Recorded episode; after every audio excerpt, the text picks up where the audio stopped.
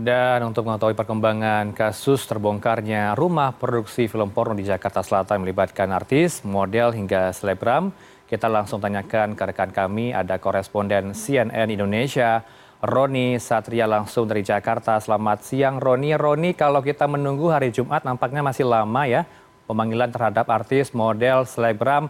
Kemudian siapa saja yang akan diperiksa menjelang hari jumat mendatang? Silakan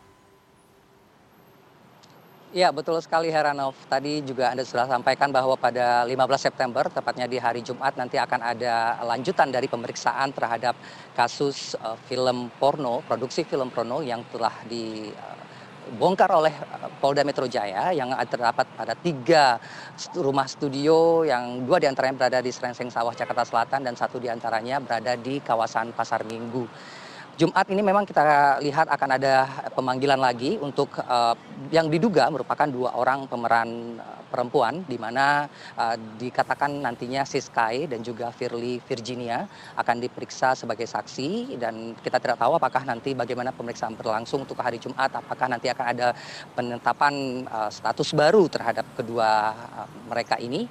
Namun kalau kita lihat dari bagaimana pemeriksaan ataupun juga penyelidikan ini berlangsung dari sejak senin kemarin polda metro jaya juga sudah menyampaikan rilis kepada media dan juga kepada publik terkait dengan bagaimana rumah studio ini telah memproduksi satu ratus dua puluh film sejak dua ribu dua puluh dua dan melibatkan lima belas pemain pria dan enam pemain wanita yang kalau kita lihat mereka diiming imingi dengan honor sebesar sepuluh hingga lima belas juta rupiah dalam setiap produksinya.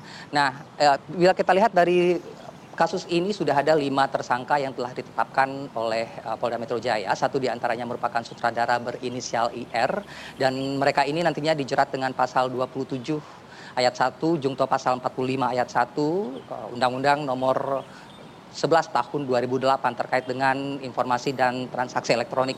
Kita tahu bahwa terkait dengan bagaimana undang undang pornografi ini diatur di indonesia baik siapa pun yang mengedarkan termasuk juga mungkin juga akan ada pemeriksaan juga kepada mereka mereka yang bila diperluas lagi tentunya ada mereka yang pihak yang menerima ataupun juga mendownload ataupun menggunakan jasa tersebut. Karena kalau kita tahu bahwa tiga website menjadi tempat untuk penjualan dari video video ini yang dilakukan dengan harga bervariasi. Tadi juga mungkin telah disampaikan dalam paket pengantar sebelumnya ada yang berkisar dari lima puluh ribu rupiah per hari hingga sampai per tahun di lima ratus ribu rupiah. Sehingga para konsumen yang menjadi sasaran mereka ini berkisar datu ataupun juga dari rentang segala usia yang tentunya mereka ini menjadi target dari penjualan film film yang telah diproduksi tersebut.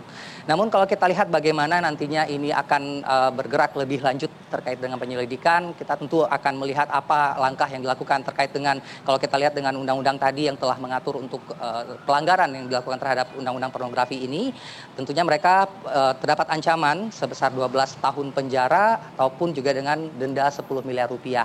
Nah kasus kasus pornografi ini sebenarnya mungkin sudah kerap beberapa waktu terakhir sempat terjadi mungkin viral di media massa termasuk juga viral di kalangan warganet terkait dengan produk produk pornografi yang telah beredar. Namun kalau kita lihat dalam produksi yang bisa dikatakan cukup profesional melibatkan sutradara sekretaris kemudian hingga menjadi suatu rumah produksi yang baru diketahui dalam kurun waktu satu tahun sejak mereka berproduksi ataupun membuat film tersebut tentunya ini menjadi suatu yang cukup langka. Dalam artian kita tahu bahwa dalam undang undang di indonesia tidak dibenarkan adanya produksi film pornografi termasuk juga mengedar luaskannya kepada publik kembali ke anda. Singkat saja saya masih ingin gali lebih dalam soal statement dari menkominfo. Ini masih menelah roni karena belum bisa menyimpulkan apakah masuk dalam kategori pornografi. Kalaulah dari kepolisian sudah tegas mengatakan akan menindaklanjuti ini sampai ke pemeriksaan berikutnya kepada artis. Kemudian bagaimana langkah menkominfo selanjutnya? Singkat saja roni